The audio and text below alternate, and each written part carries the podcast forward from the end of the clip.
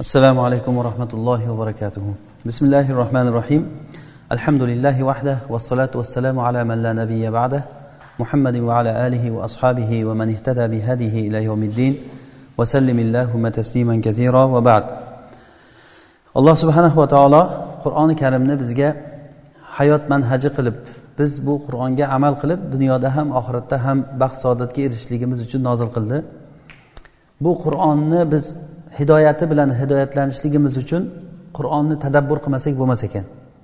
Qur'onni tadabbur qilmagan odam qur'on ichidagi hidoyatni ololmaydi. Faqat mujarrad faqat faqat tilovatni o'zi bo'lib qoladi. Alloh subhanahu va taolo qur'onni fahm tavrotni fahmlamasdan uni uni ichidagi narsalarga amal qilmasdan faqat tilovat qilgan qavmni e, qattiq malomat qilgan. E, ya'ni ularni inhum illa amaniya degan ya'ni ular faqat tilovat degan. Ya'ni ularda biladigan bilgan narsalari faqat qiroat o'qish degan. Bizda bu narsa qur'onda mana shu kamchilik takrorlanmaslik kerak. Tadabbur qilishlik uchun biz bir qancha bosqichlardan o'tishligini aytdik. Yana takrorlab o'tsak savob umidida va ilm talab qilishlik uchun amal qilishlik uchun va alloh robbul alamin bilan gaplashish niyati bilan munojat ya'ni bu degani alloh taolo bilan munojat qilyapti qur'on o'qiyotgan odam. Va beshinchisi bu qur'on bilan shifo izlash degan edik qur'on qalbdagi narsalarga shifo bo'ladi.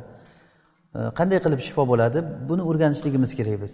Biz mana shu nuqtai nazardan kelib chiqib tavakkul haqida gapirdik. Tavakkul haqida.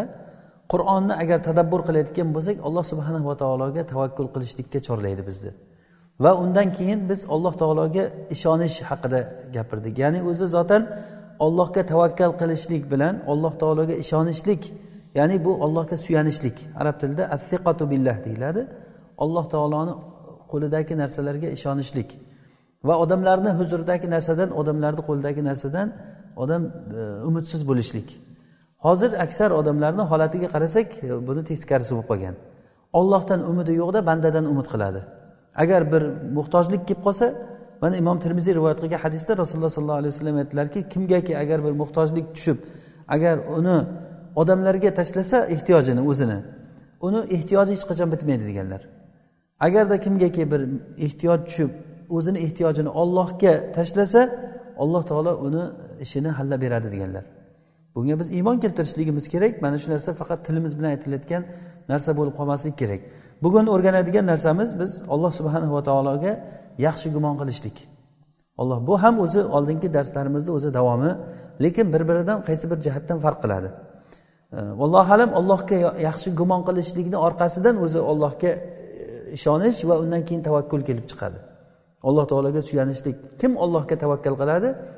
Ollohga yaxshi gumon qilgan kishi tavakkal qiladi. Ollohga yaxshi gumon qilishlik bu ixtiyoriy narsa emas bu majburiy narsa. Bu shunday narsaki agarda ollohga bo'lgan yomon gumon agar qalbda bo'lsa o'sha odam o'ldim deyaversin ibn qayim rahimaulloh zadul maad kitoblarida aytgan ekanlarki odamni qalbida ollohga bo'lgan yomon gumon yashirinib yotadi xuddiki o'choqni ichida kulni tagida cho'g' yashirinib yotgandek. Qaraganda ko'rinmaydi. Uni ustiga agar bir xashak bir narsalar shunday tashlaninsa u o'zini kuchini ko'rsatadi. Bu tashlanadigan xashaklar bizni qilayotgan hasanotlarimiz. Qalbda xuddi shunday xuddi kulni ichida yashirinib yotganday ollohga bo'lgan gumon yashirinib yotadi hamma odamda. U kimdadir yaxshiroq bo'ladi kimdadir gumoni yomonroq bo'ladi yoki yomon gumon bo'lsa kimdir ozroq yomon gumon qilsa kimdir ko'p yomon gumon qiladi. Bu haligi u kishi aytganlaridek fa mustaqillu va mustakfir. Kimdir bor ko'p gumon qiladi kimdir bor oz gumon qiladi. Kimdiki agar qalbida agar shu narsa bo'lsa o'zini o'zi tuzatsin. Agarda tuzatmasa qalbini o'zi titkilab ko'rsin odam. Birovga birov hech kim hukmron emas hech kim birov birovga e, gapini o'tkazolmaydi o'zi. Bu faqatgina eslatish bobidan. Qalbni titkilab ko'ring qalbingizni. Agar qalbingizda ollohga bo'lgan gumoningiz qanday. Ollohga bo'lgan gumon agar yomon bo'layotgan bo'lsa tezlik bilan hozirdan uni tuzating. Agar u tuzalmasa najot topaman deb xayolingizga ham keltirib o'tirmang. Eng adashishlikni eng boshlaridan biri insonni zalolat yo'liga ketishligini asosiy boshlaridan biri ollohga bo'lgan yomon gumon. Ollohga yaxshi gumon qilmaslik. Ollohga bo'lgan gumon qayerdan kelib chiqadi o'zi? Yaxshi gumon qilishligimiz qayerdan paydo bo'ladi? Ala. Masalan odamlar bir biri bilan yaxshi gumon qilishligi yomon gumon qilishligi nimaga bog'liq? Masalan sizni ishongan odamingiz bormi?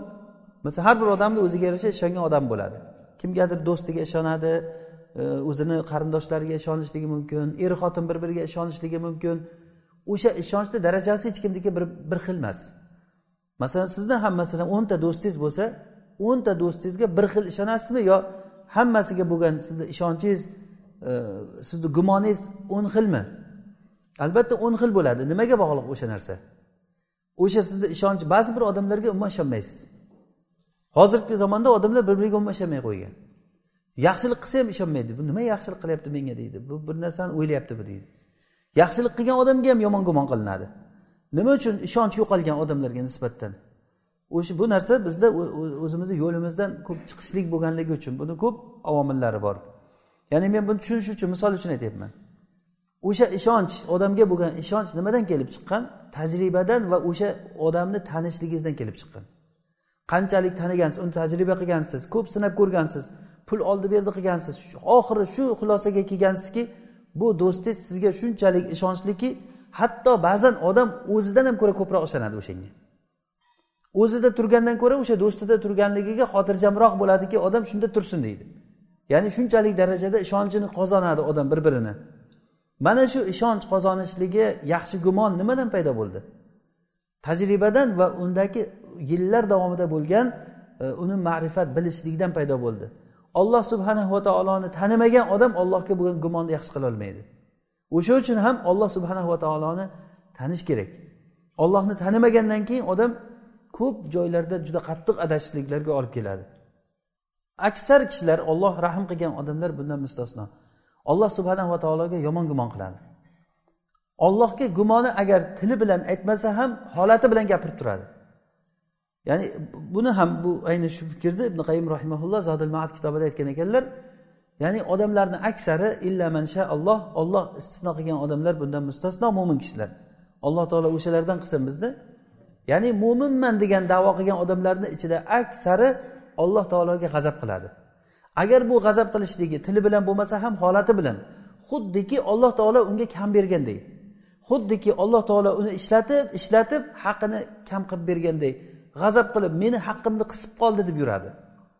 Men asli bunday bo'lishim kerak emas edi. Men ko'proq narsaga erishishim kerak edi.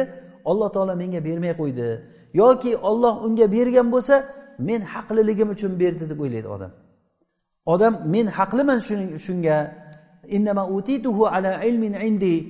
Bu mendagi olloh taolo meni bilganligi uchun berdi. Bekardan bekarga olloh meni bu yerga qo'yib qo'ygani yo'q. Agar olloh nazar solmasa bozorga baqqol bo'lolmaysan men mana bunday joylarda ko'pchilikka rahbar bo'lib turibman deb ba'zi bir odamlar mansabda bo'lib qolsa yoki ba'zi bir odamlarga sal ilm bo'lib qolsa boshqaga berilmagan ilm bunga berib qolsa yoki boshqada yo'q bo'lgan moli davlat buni qo'liga tushib qolganligini ko'rgandan keyin mana shu gapni aytib yuboradi odam. Bu bekordan bekorga bo'lmayapti deydi. Alloh taolo bersa ham bilib beradi o'zi deydi. Xuddiki u olloh taolo bunga berishligi bilib beradi deganligi men shunga loyiqman shu uchun berdi deydi. Mana bu ollohga bo'lgan gumonini yomonligidan ba'zi odamlar bo'lsa alloh taolodan doim g'azabda yuradi. Hech shukur qilmaydi. Bu o'zi bunday bo'lishi kerak emas edi deydi. Bu degani alloh taologa yomon gumon bu. Agar tili bilan aytmasa ham lekin holat tili mana shu narsani o'zi gapirib turadi. Agar bu narsa bu aqida inson qalbida bo'lar ekan bu inson najot topishligi juda ham qiyin. U xuddiki boya yuqorida aytganimizdek kulni tagida yotgan cho'g'ga o'xshaydi. Ustiga tushgan xashaklar o'tinlar bir kuni kelib turib qarasangiz lovullab yonib ketgan bo'ladi. Hasanotlar yaxshiliklar qilasiz. Tushgan yaxshilikni tushgan joyida kuydirib yo'q qiladi u narsa. Mana shu kuydirib yo'q qilayotgan narsa butun yomonlikni tagidan cho'q oldirayotgan yomonlik bu olloh subhanahu va taologa bo'lgan yomon gumon bo'ladi. Demak biz alloh taologa yaxshi gumon qilishligimizga majburmiz. Ya'ni ey iymon keltirgan bandalar olloh va rasuliga labbay deb javob beringlar. Istajibu lillahi va lirrasul ida daakum lima yuhyikum. Agar sizlarni tiriltirayotgan narsaga chaqirsa qalblarni tiriltirayotgan narsaga chaqirgan paytda labbay deb javob beringlar quloq solinglar u gaplarga degan. Ehtimol sizni nojotingiz o'sha narsada bo'lishi mumkin. Bitta hadis uchun jobir ibn abdulloh roziyallohu anhu u kishi bir hadisni eshitishlik uchun madinadan tuya sotib olib turib misrga safar qilganlar. Shu hadisni eshitgan roviy misrga ketib qolgan shu misrda qolgan rasulullohdan eshitgan kishi. Bir hadis uchun tuya bilan borib turib eshigini taqillatganda chiqqan ikkita sahobiy bir biri bilan quchoqlashib ko'rishgan shunda kiraylik uyga degandan rasulullohdan bir hadis eshitgan ekansan shuni aytib qo'ygin menga keyin kiraman degan. Madinadan kelyapti misrga keldi. E, ichkariga kirib bemalol o'tirib men shu uchun keldim desa bo'lardiku.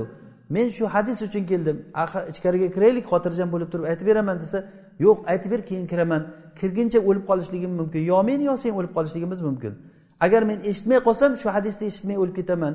Ehtimol meni nojotim o'sha hadisda bo'lishligi mumkin degan. Nima edi u eshitganing aytib ber degan. Qarang ilmga bo'lgan qancha ilmni nima uchun talab qilinadi? Bizni qalblarimizni tiriltirayotgan narsaga chaqirsa. Bu ilm juda ham qimmatbaho narsa.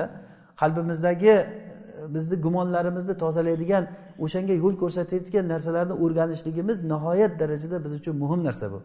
Odamni badani masalan odamni badani shundayki agar zarurat bo'lib qolsa insonni badani foydali narsani topolmasa zarar narsani qabul qiladi. Masalan toza suvni topolmasa odam nimani ichadi? Toza suvni nima topsa shuni ichadi? Hattoki ba'zan akramakumulloh odam safarlarda ba'zi bir kishilar o'zini bovulini ichganligini eshitganmiz. Joyiga manziliga yetib olishlik uchun o'zini bovulini ichgan.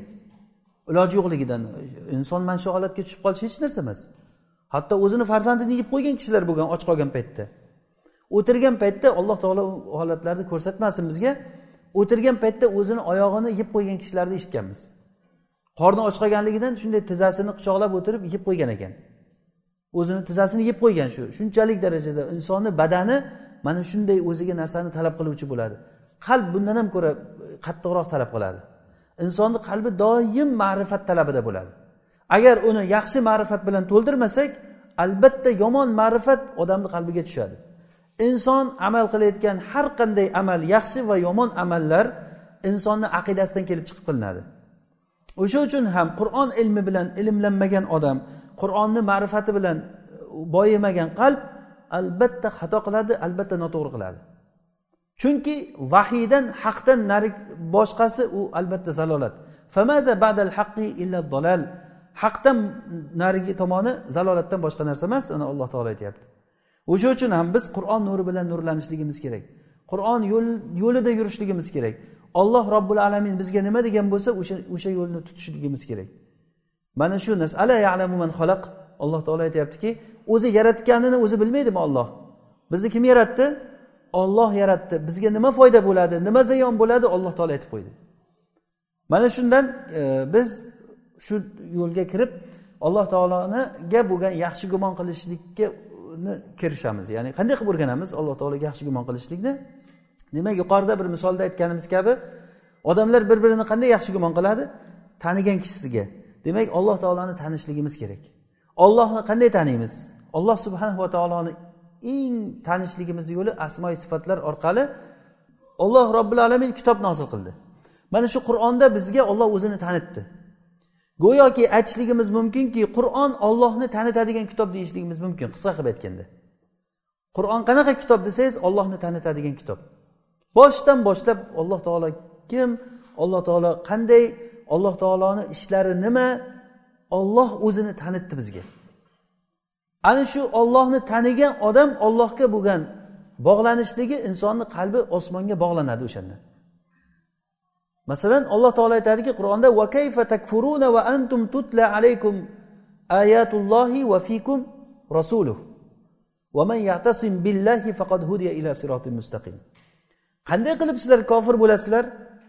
Qanday kofir bo'lasizlar degan undan oldingi oyatda alloh taolo aytadiki ey iymon keltirgan bandalar agarda sizlar kofir bo'lgan odamlarga itoat qilsalaring iymondan keyin sizlarni kufrga qarab qaytarib olib ketadi degan. Ya'ni fitna odamni qalbiga kirgandan keyin iymondan keyin kufrga qarab ketar ekan odam. Yaruddukum ba'da imanikum kafirin. Iymonlaringdan keyin bu bundan ko'ra katta bir e, nima deydi yutqizish bo'lmasa kerak. Odam bir pulni agar qo'lingizga erishgandan keyin bir millionlar pulni shunday yetdim degan paytingizda birov kelib olib ketib qolsa qancha afsus yeysiz masalan? Uni boridan ko'ra yo'g'i yaxshimidi? Qo'lingizga olgandan keyin ketib qolsa farzandi yo'q odam unchalik kuymaydi. Farzandni ko'rgandan keyin u farzandi dunyodan o'tib qolsa qancha kuyadi masalan ota ona ne'mat qo'lga kelgandan keyin ketib qolishligi yomon narsa. Shuning uchun ham sog'ligi ketib qolgan odamlar sog'likka qancha kuyadi? Yoshligi o'tib ketib qolgan qari odamlar qancha hasrat chekadi yoshligiga? Eng qimmatbaho narsa iymon emasmi? Iymon qo'lga kelgandan keyin biz shunday osongina bu iymondan voz kechib yuborishligimiz bu qanday bir bir ko'rgilik bu? Shuning uchun ham alloh taolo bunga bir inkor ma'nosida savol bilan aytyaptiki va kayfa takfurun? Qanday qilib kofir bo'lasizlar? Sizlar sizlarga ollohni kitoblari tilovat qilib turingan bo'lsa mana hozir ollohni kitobi bizga qanday nozil qilingan bo'lsa shunday tilovat qilinib turibdi. Va fikum rasuluh. Ichlaringda rasululloh o'tiribdilar. Rasululloh agar dunyodan o'tgan bo'lsalar ham u kishini so'zlari yuzga yuz hozir bizni qo'limizda hammasi. Hadis kitoblarini o'qing siz rasululloh bilan gaplashyapsiz degani. Demak bitta yo'l shu kim? Billah kim ollohni mahkam tutsa faqat hudiya ila siroti mustaqim. Ana bu to'g'ri yo'lga hidoyatlangan bo'ladi. Demak biz olloh taoloni mahkam tutishligimiz kerak. Qanday qilib turib alloh taolodan biz madad so'raymiz alloh taologa qattiq yopishamiz? Mana shuni o'rgatadigan yo'l bu qur'on bo'ladi bizga. Agar biz qur'onni varaqlab qarasak o'qilingan paytda tadabbur qilib qarasak mana shu ma'nolar atrofida aylanadi. Ollohga qaytishligimiz olloh o'zini kim ekanligini tanitadi.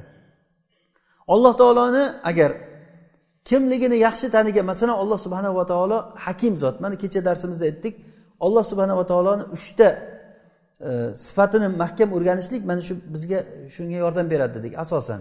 Bu sifatlar alloh taoloni qaysi sifatlari? Aziz hakim va alim sifatlari. Aziz hakim alim sifatlari. Ollohni qadariga iymon keltirmayotgan odamlar ollohga yomon gumon qiladi.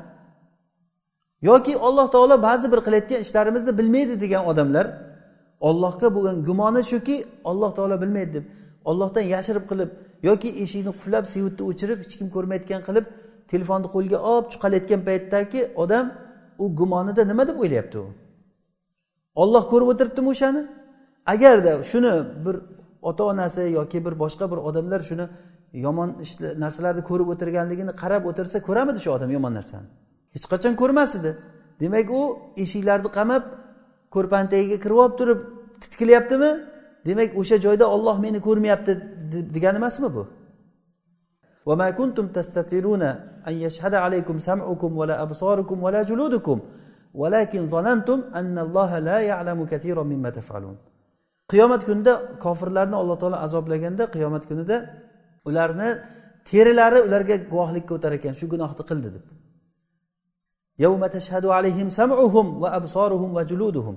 ularni ko'zlari ularni ularni quloqlari ularni terilari guvoh o'tadi mana shu ishni qildi bu odam deb Odam hech qachon o'zini ko'zidan o'zini qulog'idan o'zini terisidan gunohni yashirib qila oladimi hech qachon yashirolmaydi. Buni yashirishlikka harakat ham qilmaydi aqlli odam. Lekin u odamlar o'ylagan ediki alloh taolo ko'pchilik narsalarni bilmaydi deb o'ylar edi sizlar robbilaringga bo'lgan gumonlaring mana shu edi ardakum shu gumon sizlarni halok qildi. Sizlar ziyon ko'ruvchi bo'lib qoldilaring.